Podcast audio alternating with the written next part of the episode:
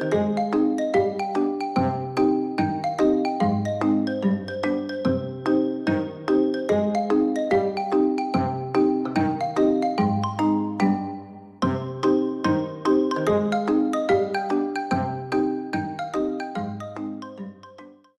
dobry Państwu.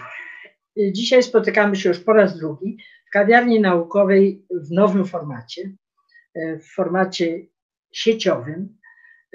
Ja się bardzo cieszę, że Państwo, chciałam powiedzieć, przyszliście, ale włączyliście nas i bardzo zapraszam, żebyście chcieli nas słuchać tak długo, jak to będzie potrzebne. Jak już ten wirus zostanie jakoś opanowany, to wrócimy na pewno e, do sali kawiarnianej, gdzie się wzajemnie widzimy, słyszymy i możemy się do siebie uśmiechać. A tak to ja tylko mogę się Państwa uśmiechnąć. Dzisiejszym wykładowcą jest profesor Politechniki Warszawskiej e, Robert Olszewski. Mm, to jest specjalista od wielu lat, laureat wielu nagród, rektora Politechniki, autor wielu publikacji, e, specjalista od modelowania e, stosunków przestrzennych jak Państwo się domyślacie, z, tej, z tego to spotkanie będzie również opowieścią o tym, jak sobie możemy wyobrazić miasta przyszłości. Ja myślę, że w tej sytuacji y, tej pandemii to trudno nam się cokolwiek wyobrazić na przyszłość, bo wszyscy mówią, że chcą wrócić do normalności. Tym niemniej ta normalność, taka czy inna, kiedyś nadejdzie mm, i będziemy dalej prawdopodobnie mieszkać w miastach. E, jakie te miasta będą? Co nam pan profesor powie, jak my sobie wyobrażamy, że one będą? Czy są już jakieś próby budowania takich miast? No to za chwilę usłyszymy. Za miesiąc, e, w trzeci poniedziałek czerwca, spotkamy się z profesorem, e, z profesorem Wojciechem Draganem z Uniwersytetu Warszawskiego, z Wydziału e, Psychologii. Ja jeszcze nie mam tytułu, ale będzie mówił o genetycznych uwarunkowaniach seksualnej orientacji człowieka. To brzmi skomplikowanie, ale wszyscy o tym sobie czasami myślimy. Jak to właściwie jest? Za, za co odpowiadają geny, a za co odpowiada wychowanie? Więc bardzo Państwa serdecznie namawiam na ten za miesiąc wykład profesora Dagana, a na razie słuchajmy o miastach przyszłości. Dziękuję bardzo. Dzień dobry Państwu. Nazywam się Robert Olszewski. Jak Państwo widzą z tego tytułowego slajdu, pochodzę z e, Politechniki Warszawskiej. Chciałbym dzisiaj opowiedzieć Państwu na temat smart city, tak zwanych inteligentnych miast w świecie po pandemii. Pozwoliłem sobie tutaj e, przywołać na wstępie takie odwołanie do e, kanonu popularnej zwanego Gwiezdnymi Wojnami, Mroczne Widmo czy Nowa Nadzieja. Rzeczywiście będę się dzisiaj odwoływał do e, kilku takich znanych pozycji e, filmowych, ale akurat nie, nie tych związanych z e, światem Gwiezdnych Wojen. Proszę Państwa, gdybyśmy chcieli się chwilkę zastanowić, czym jest to Smart City, to nie jest takie um, oczywiste pojęcie, Możemy powiedzieć, że to jest y, miasto inteligentne, możemy powiedzieć, że to jest y, miasto naszpikowane technologią, możemy powiedzieć, że jest to miasto, w którym żyją inteligentni ludzie. Istnieje bardzo, bardzo wiele zróżnicowanych definicji dotyczących tego, jak należy rozumieć inteligentne miasto, ponieważ ta definicja nie jest taka zupełnie oczywista, nawet ta kalka językowa przetłumaczeniu na polski nie jest e, dla wszystkich jednoznaczna, to może spróbujmy na początku zadać trochę prostsze pytanie dotyczące takiego pojęcia jak e, oda do radości. Może chwileczkę posłuchajmy.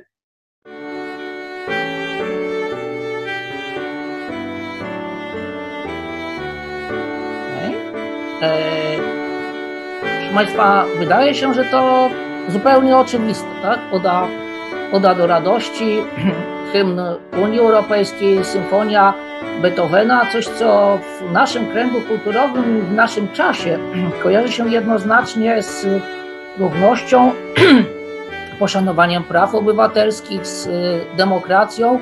też z dobrobytem, ale nie zawsze tak było. Tak się dziwnie złożyło, że e, tę melodię, tę melodię także w innych czasach i w innych kulturach upodobano sobie jako taką e, pieśń, która miała prowadzić ku innemu, lepszemu z pewnością światu, zarówno w faszystowskich Niemczech, jak i w Chinach za czasów Mao Tse-tunga, czy też Mao Zedonga.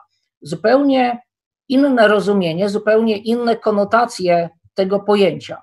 E, stąd, jeżeli mówimy o Smart City, to również chciałbym, żebyśmy zastanowili się, jakiego rodzaju Smart City e, mamy na myśli.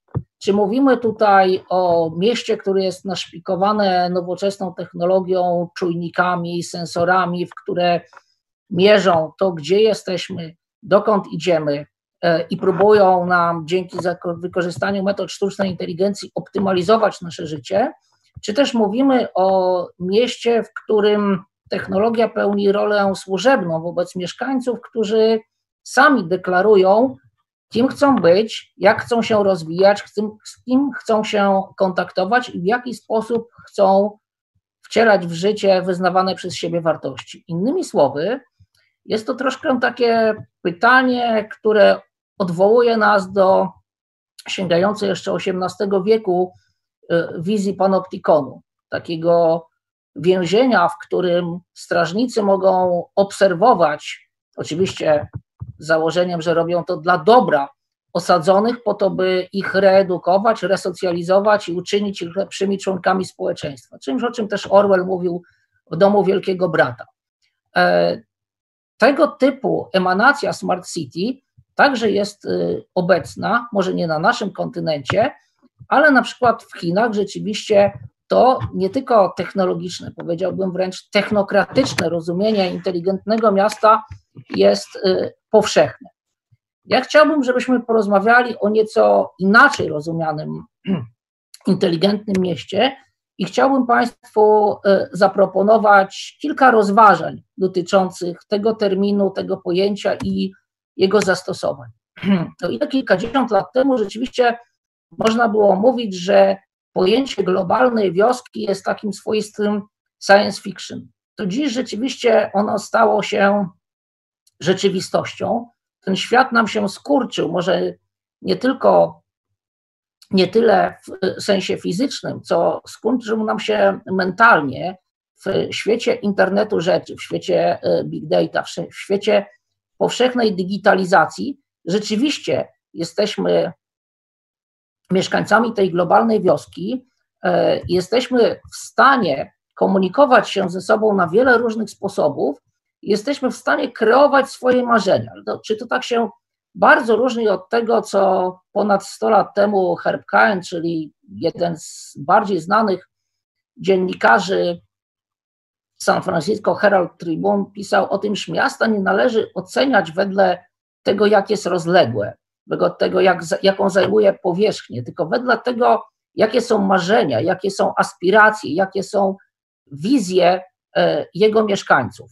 Tak też myślę, że w ten sposób powinniśmy patrzeć na Smart City, że nie jest to miasto, które powstanie na Marsie, nie jest to miasto typu megalopolis, w którym będzie żyło 30, 50 czy 100 milionów mieszkańców, nie jest to miasto naszpikowane technologią, tylko jest to miasto ludzi, którzy chcą, żeby odtworzyć to, o czym już starożytni Grecy dyskutowali na Agorze. Dzisiaj jest ten rzeczywiście czas, abyśmy wykorzystując współczesną technologię, wykorzystując ICT, narzędzia telekomunikacyjne, wykorzystując sieć telefonii komórkowej, sieć 5G, która na naszych oczach staje się faktem, odtworzyli tę agorę jako taki cyfrową, cyfrową agorę jako miejsce społecznej debaty, gdzie możemy zastanowić się, jak uczynić świat lepszym, takim, w którym chcielibyśmy mieszkać, takim, w którym chcielibyśmy, żeby żyły nasze dzieci. E, istnieje, tak jak wspomniałem, bardzo wiele różnych definicji Smart City.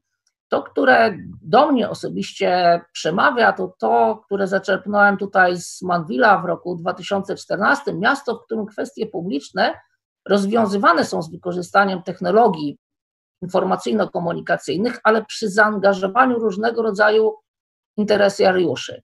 E, miasto, w którym nie jest to jednostronny kanał komunikacji, gdzie władza informuje mieszkańców o tym, co zamierza zrobić. To jest miasto, w którym władza, w którym przedsiębiorcy, ale w którym przede wszystkim obywatele w tej cyfrowej agorze dyskutują nad tym, w jaki sposób chcieliby by przekształcać miasto, by prowadzić planowanie przestrzenne, by rewitalizować dzielnice, które tego wymagają, by kształtować otwarte społeczeństwo informacyjne. Proszę Państwa, w, kiedyś mogliśmy mówić, że, że chcemy, chcemy poznawać świat, czy też niektórzy wręcz, że chcemy ujarzmiać ten świat. Dziś tak troszeczkę odwołując się właśnie do takiego e, kanonu popularnego z, do filmoteki, chciałbym powiedzieć, że podobnie jak w Jamesie Bondzie, dziś świat to za mało. Świat to za mało, dlatego że potrzebujemy jego cyfrowego modelu. Potrzebujemy cyfrowego modelu, takiego cyfrowego bliźniaka, który pozwoli nam, ułatwi nam odpowiedź na wiele pytań. What if? Co jeżeli? Co by się stało, gdyby rozwijała dalej się pandemia? Co by się stało, gdybyśmy te restrykcje, które były wprowadzone w Wuhan, zastosowali w Unii Europejskiej? Co by się stało, gdyby to, co działo się w Lombardii, miało miejsce na Śląsku, Pomorzu czy w jakimkolwiek innym y, rejonie? Nie chcemy tego sprawdzać, zwłaszcza tych katastroficznych wizji, na żywym organizmie. Jeżeli dysponujemy takim cyfrowym modelem, jesteśmy w stanie udzielić sobie bezpiecznej odpowiedzi, siedząc y, w swoich laboratoriach, siedząc w swoich pokojach, udzielić odpowiedzi, jak można zmienić y, świat, jak można uczynić go y, lepszym, ale w taki sposób, by technologia, którą dysponujemy, wspierała rozwój stosunków międzyludzkich i pozwalała nam kształtować obywatelskie społeczeństwo, społeczeństwo informacyjne. W takim ciekawym czasie, w czasie swoistego paradoksu informacyjnego, o którym mówi Manuel Castells, Żyjemy w świecie, w którym mamy niemal nieograniczony dostęp do danych. Te dane są dostępne w internecie. Problem polega na tym, że my czynimy z nich niewielki użytek. Bardzo niewielka część. Szacuje się, że nie przekraczająca kilku procent surowych danych dostępnych e, w sieci rozległej ulega przekształceniu do postaci użytecznej informacji, wreszcie e, wiedzy. Tutaj Cliff Humble w 2006 roku rzucił taką ideę, że e, dane są nowym, nowym olejem, nową, nową ropą naftową. To trzeba dobrze rozumieć. E, ropa naftowa była znana od dawna, na przykład na Podkarpaciu. Tylko co z tego? Nim pojawił się Łukasiewicz, nim dokonał procesu i rafinacji po to, żeby móc zasilić przekształconą do postaci nafty ropą naftową e, swoje latarnie, ta ropa była wykorzystywana do bardzo prostych celów. Można było, nie wiem, pomalować płot, żeby uczynić go nieco bardziej odpornym, nic więcej. Natomiast e, dziś, kiedy jesteśmy w stanie przetwarzać ropę naftową na wiele sposobów, tak aby uzyskać nie tylko benzynę, olej, naftę, mazut, ale też gumę, lekarstwa, asfalt i wiele różnych e, innych użytecznych substancji, to widzimy dopiero, jaki jest potencjał tego surowca. To samo jest z danymi. Surowe dane to są mega, tera czy gigabajty y, danych, które zalegają gdzieś na serwerach w chmurze obliczeniowej czy gdziekolwiek indziej na naszych dyskach. Po to, żeby czynić z nich użyteczną informację i wiedzę, potrzeba je przekształcić. Potrzeba je przekształcić jest taka koncepcja piramidy data, information, knowledge i wisdom taka piramida DIKW, która powstała w, na przełomie lat 60., 70., e, ona wówczas była pewnym takim tworem intelektualnym. Dzisiaj, kiedy rzeczywiście mamy do czynienia z tym niemal nieograniczonym dostępem do danych, chcielibyśmy przekształcić te surowe dane do postaci tej użytecznej informacji e, i wiedzy, dlatego iż o ile wolumen dostępnych danych jest ogromny, to już dostęp do informacji, a zwłaszcza wiedzy, która jest takim ekstraktem, jak z ropy naftowej, to w danym wypadku z tych surowych e, danych, jest bardzo cennym e, towarem. Jego użyteczność jest zupełnie odwrotnie proporcjonalna do e, liczebności, co pokazuje ten drugi, ten, ten, ta odwrócona piramidka.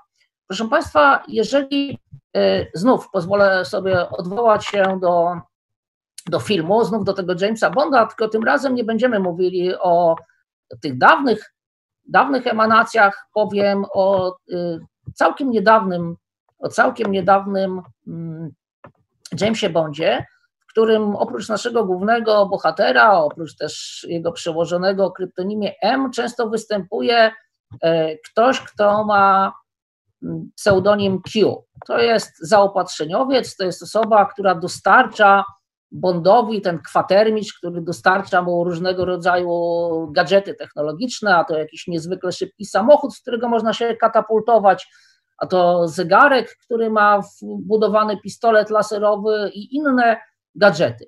Tak się dzieje przez wiele, wiele, wiele różnych odcinków, ale jeśli Państwo zwrócą uwagę na przykład na Skyfalla, tam tym Q jest ktoś zupełnie inny. To ten młody gentleman, którego tu widzimy na pierwszym planie, którego zdolności są zupełnie inne. On staje się niemal równie ważnym bohaterem jak sam James Bond. Jego umiejętności polegają na tym, że potrafi w czasie zbliżonym do rzeczywistego przetworzyć ogromny wolumen surowych danych, które docierają do centrum obliczeniowego i w czasie rzeczywistym podjąć decyzję, która wspomoże Bonda w dotarciu tu, gdzie trzeba i rozwiązania problemów. To jest ten problem, z którym boryka się dzisiaj nasze społeczeństwo, ten problem, z którym boryka się ten cyfrowy świat i z którym borykają się inteligentne miasta. Mamy w dobie internetu rzeczy ogromne zasoby danych, które są gromadzone nie tylko przez y, urzędy do tego stworzone, nie tylko przez różnego rodzaju producentów, ale też dane, które powstają w sieciach społecznościowych, dane, które są gromadzone wolontariacko i też wielki zasób danych, które pochodzą z sieci sensorów miejskich. Są takie miasta na świecie, na przykład Szanghaj, gdzie na 25 milionów mieszkańców przypada 160 milionów różnego rodzaju sensorów, które mówią o zanieczyszczeniu powietrza, które mówią o tym, jak się przemieszczają mieszkańcy, które rozpoznają twarze, które mnóstwo różnych surowych danych dostarczają do centrum obliczeniowego.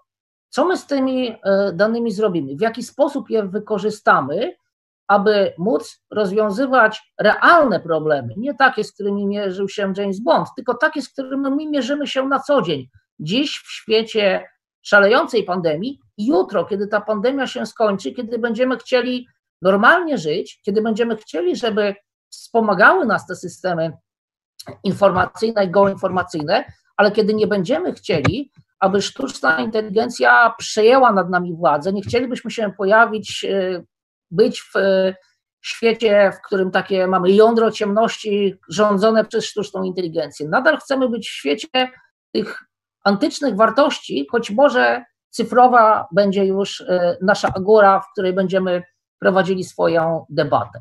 Proszę Państwa, bardzo często pojawiają się w takim dyskursie publicznym takie pojęcia jak przemysł 4.0. Całkiem niedawno pojawiło się też pojęcie społeczeństwo 5.0 wprowadzone przez organy rządowe y, Japonii. Pytanie, czy to jest rzeczywiście sobie przeciwstawne? Czy społeczeństwo 5.0 to coś zupełnie innego niż przemysł 4.0? Czy możemy powiedzieć, że to jest niczym Godzilla versus Mecha Godzilla, skoro już jesteśmy w tych y, japońskich klimatach? Jedna z nich jest takim cyfrowym cyfrowym stworzeniem, e, cyfrowym tworem, który ma zniszczyć Ziemię, druga jest tą taką pierwotną siłą naturalną, która broni, broni e, mieszkańców Japonii przed e, tym stechnokratyzowanym światem. Wydaje mi się, że nie musimy przeciwstawiać sobie tych pojęć. Rzeczywiście żyjemy w świecie, w którym mamy do czynienia z cyfrowym bezpieczeństwem, z pojęciem big data, z mm, sztuczną inteligencją, z rozszerzoną rzeczywistością, z chmurą obliczeniową, żyjemy w świecie, w którym ten przemysł 4.0 rzeczywiście e, ma miejsce. Przechodzimy od świata rewolucji przemysłowej, elektryfikacji, cyfryzacji do świata internetu rzeczy, do tego, by nie tylko ucyfrowić, ale też bardzo wyspecyfikować produkcję przemysłową. Tyle tylko, że interesuje nas to, aby to wszystko było zorganizowane w taki sposób, by służyło rozwojowi społecznemu. To, co w 2016 roku było zaproponowane w Japonii pod y, pojęciem społeczeństwa 5.0, widzą Państwo tutaj y, definicję. To jest rzeczywiście wizja rozwoju społecznego, w którym wykorzystujemy najnowsze rozwiązania technologiczne, ale w taki sposób redefiniujemy problemy społeczne, aby dostępna technologia stała się dźwignią umożliwiającą rozwiązywanie tych problemów w taki sposób, by to człowiek był środkiem tego wszystkiego, by było to rzeczywiście skoncentrowane na rozwiązywaniu problemów e, społecznych definiowanych przez mieszkańców inteligentnych czy jakichkolwiek innych miast, nie zaś definiowanych przez e, urządzenia, których celem jest optymalizacja, optymalizacja naszego życia. Ta koncepcja mówi o tym, iż byliśmy dawniej, czy raczej nasi przodkowie byli takim społeczeństwem łowiecko-zbierackim, byliśmy społeczeństwem rolnym, byliśmy społeczeństwem przemysłowym, byliśmy, czy jesteśmy wciąż nadal tym społeczeństwem informacyjnym, ale pora na tą nową odsłonę, pora na społeczeństwo 5.0, w którym to relacje społeczne, ja mówię tutaj o takiej cyfrowej agorze, staną się dominujące, w którym wykorzystamy technologię do tego, by wspomagać dyskurs społeczny dotyczący nie tylko kształtowania inteligentnych miast i przestrzeni wokół nas, ale w ogóle kształtowania społeczeństwa i czynienia go otwartym, informacyjnym, ale przede wszystkim e, demokratycznym. E, takim kluczowym pojęciem, o którym chciałbym dzisiaj kilka słów opowiedzieć, obok oczywiście samego Smart City, jest pojęcie sztucznej inteligencji. To jest pojęcie, które jest e, związane z rozwojem technologii, a co za tym idzie, jest również związane z wdrażaniem idei inteligentnych miast. Pytanie, co my rozumiemy pod pojęciem tejże sztucznej inteligencji. Możemy, jak Państwo pewnie, pewnie większość z Państwa widziała, pamięta ten film AI sztuczna inteligencja, w którym obrazem tej sztucznej inteligencji był taki cyborg, chłopiec, który poszukiwał miłości, który poszukiwał zrozumienia w świecie żywych ludzi. Oczywiście pamiętamy też e, inne filmy, na przykład takie z Arnoldem Schwarzeneggerem, gdzie ta sztuczna inteligencja jest wyobrażona w postaci morderczego cyborga, który wymyka się spod kontroli, który jest człekokształtny, ale którego celem jest zniszczenie nas e, jako ludzkości. Pytanie brzmi, czy jesteśmy w stanie odpowiednio zdefiniować tę sztuczną inteligencję, raczej tak jak widzieliśmy przed chwilą, niż tak jak widzimy w tej chwili, i czy jesteśmy w stanie zbudować tego typu systemy sztucznej inteligencji, które wspomogą nas w budowie inteligentnych miast.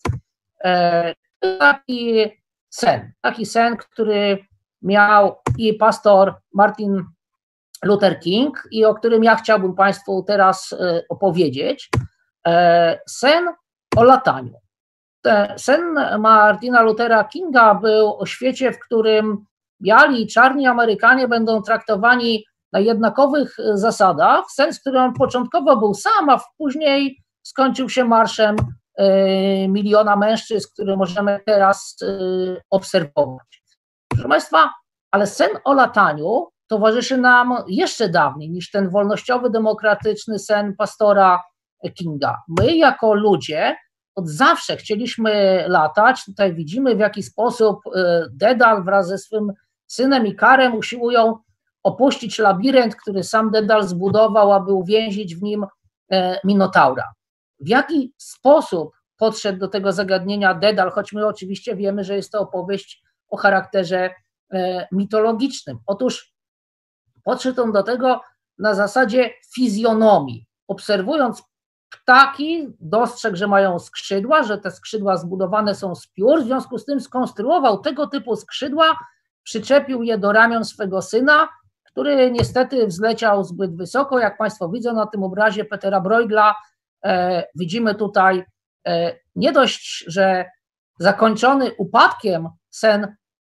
Ikara, to jeszcze świat obojętny, który nie dostrzega jego tragedii.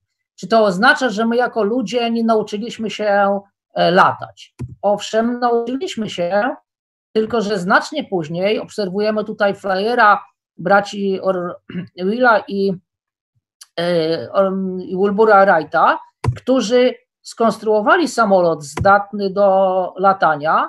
Od tego czasu wiele się zmieniło. Jesteśmy w stanie latać nie tylko kilka tysięcy nad e, powierzchnią Ziemi, ale jesteśmy w stanie latać też e, w kosmos, jak tutaj Columbia czy Discovery. Dlaczego nam się to udało? Dlatego, że nasza obserwacja przestała mieć charakter fizjonomiczny, a stała się obserwacją fizjologiczną. Co stanowi istotę latania? Istotę latania stanowi wytwarzanie i wykorzystanie siły nośnej. Skrzydła są tutaj wtórne, a wygląd tych skrzydeł i to, że to są lotki, że to są pióra, nie ma zupełnie żadnego znaczenia. Istotą jest umiejętność wytworzenia i wykorzystania siły nośnej. To samo dotyczy sztucznej inteligencji. Istotą sztucznej inteligencji nie jest stworzenie cyborga, który będzie przypominał człowieka, chociaż może będzie metalowy i będzie miał koniecznie złowrogie czerwone oczy. Istotą sztucznej inteligencji jest uczenie maszynowe, jest zdolność do nauczenia systemów komputerowych, w jaki sposób rozwiązywać różnego rodzaju skomplikowane problemy poprzez podanie przykładów z rozwiązaniami. To może dotyczyć takich zagadnień jak rozwiązywanie problemu korków, czy wiele, wiele różnych innych zagadnień, do których systemy optymalizacyjne wykorzystujące metody sztucznej inteligencji są y, gotowe. Tego typu rozwiązania są wdrażane, proszę Państwa, na świecie. Na przykład Songdo, miasto odległe 60 kilometrów na południe y, od Seulu, które powstało na bagnach. Kilkanaście lat temu były tam bagna, Dziś mamy miasto przeznaczone dla 75 tysięcy mieszkańców, zbudowane zupełnie od podstaw, powiedzielibyśmy tak po dawnemu, na surowym korzeniu, w którym pracuje 300 tysięcy mieszkańców, w tym niektórzy, którzy dojeżdżają tam e, z Seulu. Miasto, które jest zupełnie wolne od śmieci, w którym mnóstwo rzeczy jest zautomatyzowanych, w którym sztuczna inteligencja jest wykorzystywana na co dzień do tego, żeby optymalizować procesy do, związane z dostarczaniem towarów, związane z y, przemieszczaniem się mieszkańców, y, związane z optymalizacją jakości powietrza w tym mieście. Inne, inny przykład to Masdar City, miasto, które powstaje na piaskach w Zjednoczonych Emiratach Arabskich w taki sposób, by w kraju, który słynny jest z tego, że wydobywana jest tam ropa naftowa, zbudować miasto całkowicie wolne od paliw kopalnych. Miasto, które będzie wykorzystywało energię odnawalną, w danym wypadku energię pochodzącą z y, paneli słonecznych. Miasto, w którym różnego rodzaju elementy, na przykład mikroklimat, będzie y, wytwarzany, czy będzie sterowany z wykorzystaniem tak właśnie rozumianej sztucznej inteligencji, która na podstawie dziesiątek, setek, a nawet dziesiątek tysięcy różnych pomiarów e, sensorów internetu rzeczy, będzie dostarczała źródłowe informacje wraz na początku z tym wskazaniem, co należy zrobić w takiej sytuacji, kiedy system się już nauczy rozpoznawania tych wzorców, będzie w stanie sam znacznie lepiej niż zrobiłby to żywy operator sterować procesami zarządzania na przykład klimatem w e, tym mieście poprzez uwolnienie wody, czy też różnego innego rodzaju procesy optymalizacyjne związane na przykład ze sterowaniem ruchem takim mieście jak Singapur, które już nie jest miasteczkiem typu Masdar City, gdzie mieszka 30 tysięcy mieszkańców, Songdo, gdzie mieszka 70 parę tysięcy mieszkańców.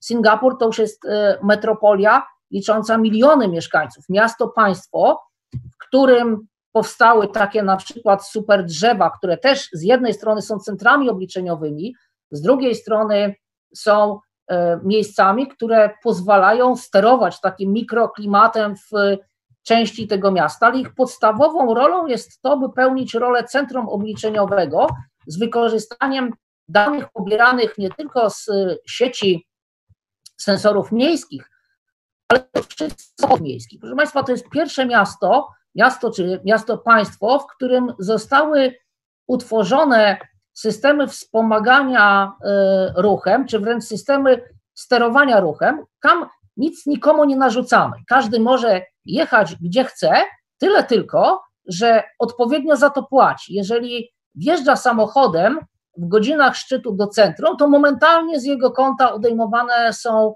środki związane z tym, iż był skłonny wjechać do centrum w określonych godzinach. Natomiast system może mu sugerować, żeby pojechał zupełnie inną drogą, czy też powstrzymał się do, od wykorzystania prywatnego transportu i to zostanie odzwierciedlone w postaci e, strat czy zysków w jego portfelu. Proszę Państwa, e, Singapur był pierwszym miastem, pierwszym państwem, które ogłosiły, iż idea Smart City została tam urzeczywistniona, że nie trzeba już budować inteligentnego miasta, bo ono powstało. Singapur jest miastem, który mówi, że zbudujmy teraz inteligentny naród, budujmy to Smart Nation, w którym dla każdego obywatela będzie jednakowy dostęp do służby zdrowia, wspomaganie na przykład w ten sposób, że nosząc odpowiednią opaskę na ręce, dochodząc do skrzyżowania, ja nie muszę nic naciskać, nie muszę żadnego telefonu.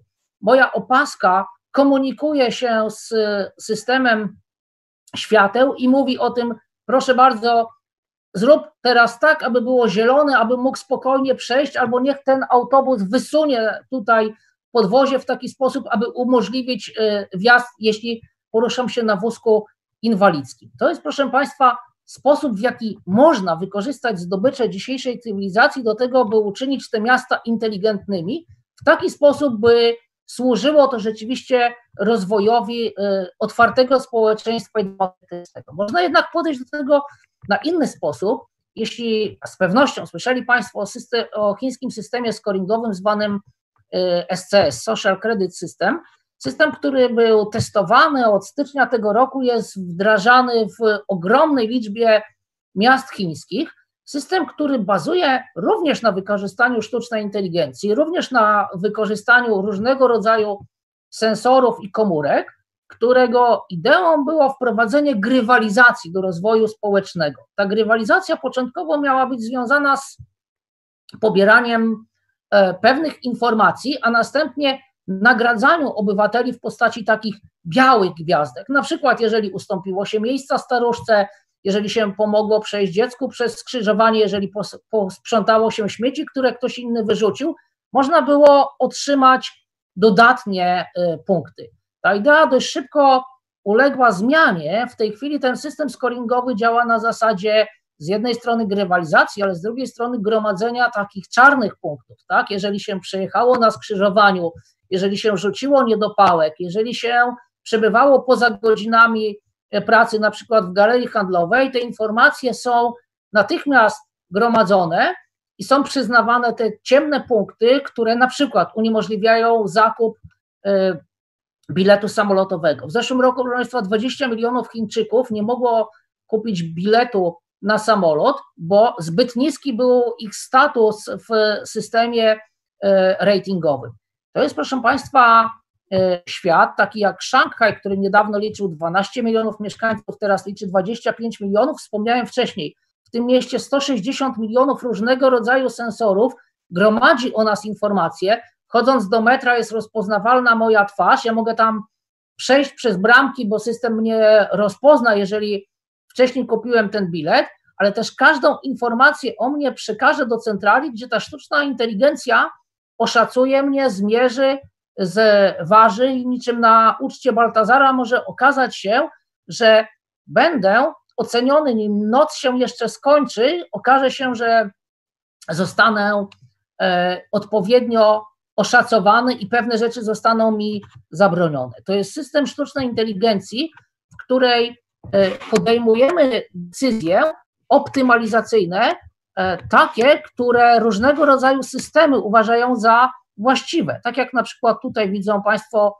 może nie są to inteligentne miasta, ale inteligentne kraje. Zapora trzech przełomów, widzą Państwo w jaki sposób powstawała pomiędzy 87 a 2004 rokiem, jak zmieniła się rzeka e, Yangtze w tej okolicy i jak zmieniło się życie tych milionów mieszkańców, których trzeba było wysiedlić po to, żeby zapewnić dostawy energii, aby dostarczyć wodę dla zupełnie innego rejonu Chin. Tutaj nie było konsultacji społecznych, tutaj były pewne działania optymalizacyjne i, tylko, i zarówno te ludzkie, jak i te realizowane przez systemy komputerowe, które sprowadziły, sprowadziły się do tego, że podjęto pewne decyzje. Ja chciałbym jakby drugą część tego wykładu, znacznie krótszą niż pierwszą, zatytułować Geopartycypacja społeczna w procesie tworzenia inteligentnych miast. Proszę Państwa, tak jak Platon mówił, a było to już blisko 2,5 tysiąca lat temu, mówił o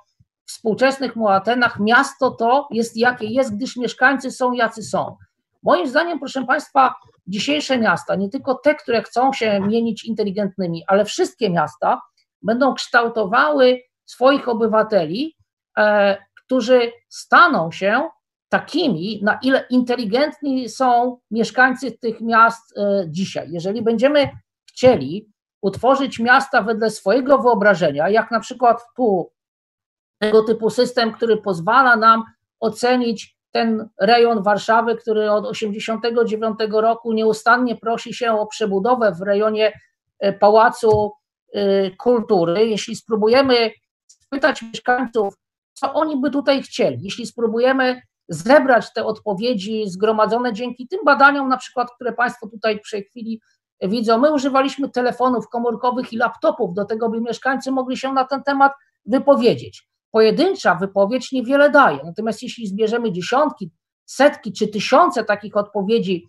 młodych kobiet, starszych e, emerytów, przyjezdnych, będziemy w stanie powiedzieć, czego naprawdę byśmy chcieli i dostosować się do e, wizji i oczekiwań społecznych w tym zakresie. Przyszłość jest e, niezapisana, przyszłość jest niezapisana, ale to my jesteśmy w stanie ją zapisać takimi zgłoskami i w taki sposób, w jakim sami chcielibyśmy ukształtować te inteligentne miasta, dopóki mamy taką możliwość. Na przykład e, możemy wyobrazić sobie, żeby znów odwołać się do tego tutaj placu defilat, że przyjdzie wielka fala, która zrobi porządek z e, tym pałacem czy z tym miejscem. Możemy sobie wyobrazić, że będzie to bardzo modernistyczne centrum miasta. Możemy sobie kształtować je na wzór tego, które mamy w London Eye, E, jeżeli nam mało, to możemy zaproponować kolejny pałac kultury czy cokolwiek jeszcze innego. Ważne jest, żeby ta wizja była konsultowana społecznie z wykorzystaniem dobrodziejstwa technologii, jaką dysponujemy, nawet już niekoniecznie sztucznej inteligencji, a na przykład rzeczywistości rozszerzonej.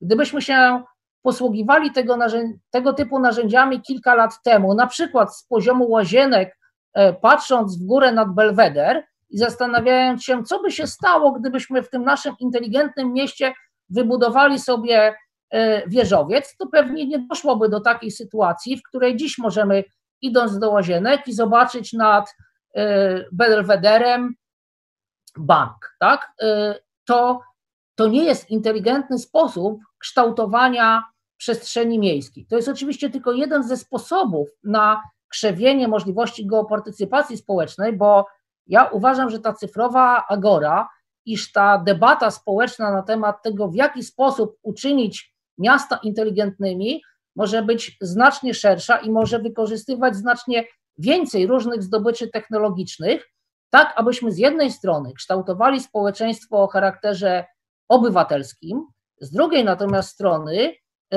wykorzystywali te zdobycze technologiczne, które daje nam społeczeństwo informacyjne, czy raczej powiedziałbym w dzisiejszych czasach społeczeństwo geoinformacyjne, dlatego iż wszechobecna jest technologia lokalizacyjna, gdziekolwiek poruszamy się ze swoim telefonem komórkowym, ze swoim smartfonem, tam też informacja o tym, że jesteśmy dokładnie tu i teraz. Te dwa pojęcia e, mają ze sobą wiele wspólnego. Powiedziałbym, że mamy tutaj do czynienia z takim swoistym sprzężeniem zwrotnym. Społeczeństwo obywatelskie, które sprawia, że łatwiejszy jest rozwój demokracji deliberatywnej, z drugiej strony społeczeństwo geoinformacyjne, które wspiera, czy może wspierać rozwój społeczeństwa y, obywatelskiego i takie jest y, moje marzenie. Takie jest moje marzenie, abyśmy z jednej strony to, o czym mówili Manuel Castells, o tym społeczeństwie sieciowym, o internecie rzeczy, o sztucznej inteligencji, wykorzystali w taki sposób, by spełniła się wizja, o której mówił Karl Popper, otwartego społeczeństwa, w którym to my mówimy technologii, jakiego rodzaju problemy nas nurtują i które chcielibyśmy uznać za istotne i które chcielibyśmy, żeby ta sztuczna inteligencja dla nas rozwiązała, nie zaś odwrotnie. Nie chcielibyśmy, by to e, sensory czy ten wielki brat mówiły nam, którą drogą powinienem jechać do domu, do której szkoły mogą e, pójść moje e,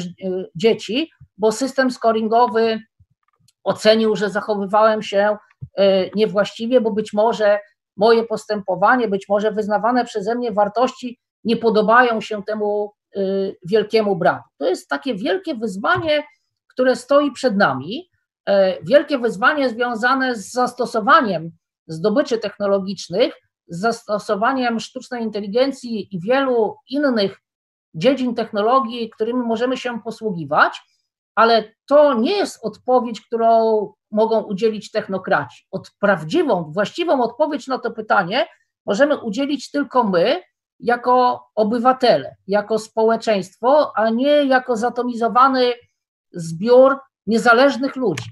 Musimy tutaj e, myśleć, jak mówią Amerykanie, outside the box. Musimy spojrzeć z zupełnie innej strony, w jaki sposób możemy wykorzystać to, co jest nam dostępne, do tego, żeby utworzyć tę cyfrową agorę, w której będziemy wszyscy mieli wpływ na to, jak kształtujemy miasto, inteligentne miasto wokół siebie, ale jak też utworzymy społeczeństwo, w którym chcemy żyć.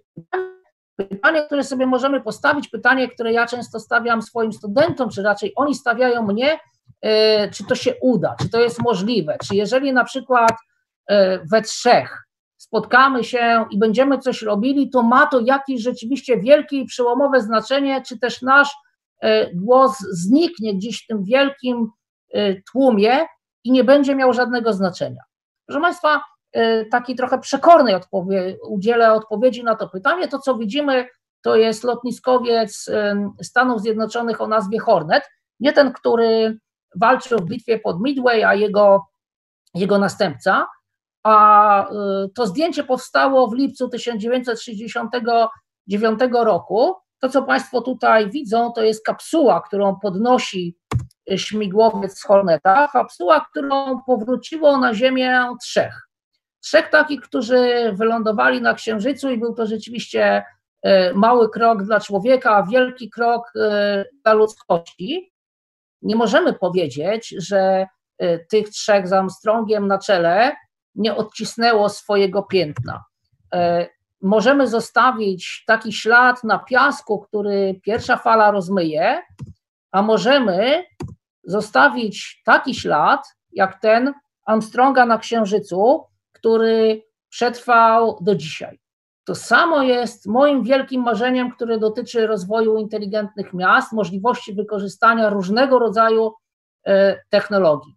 Chciałbym, by ta wielka utopia stała się faktem, żebyśmy e, my ukształtowali świat inteligentny, ten sposób, by on pomógł kształtować życie e, naszych dzieci, by w tych inteligentnych miastach sztuczna inteligencja była wykorzystywana do zbierania informacji, do jej przytwarzania, do zaspokajania potrzeb społecznych, które my, jako otwarte społeczeństwo geoinformacyjne, definiujemy. Byśmy utworzyli tę cyfrową agorę, nie zaś stali się zakładnikami w cyfrowym domu wielkiego brata. Y, bardzo Państwu dziękuję za uwagę, za, za wysłuchanie. Gdyby mieli Państwo jakieś pytania, to oczywiście mógłbym spróbować na nie odpowiedzieć teraz bezpośrednio. Gdyby chcieli, się Państwo ze mną y, skontaktować, to proszę o kontakt mailowy, jak Państwo tutaj widzą, robert.olszewski.pwedu.pl. Dziękuję bardzo. Bardzo serdecznie dziękujemy za wykład. E, pytań na czacie nie widzę, więc myślę, że pojawią się może na maila. Bardzo dziękujemy. Dziękuję ślicznie.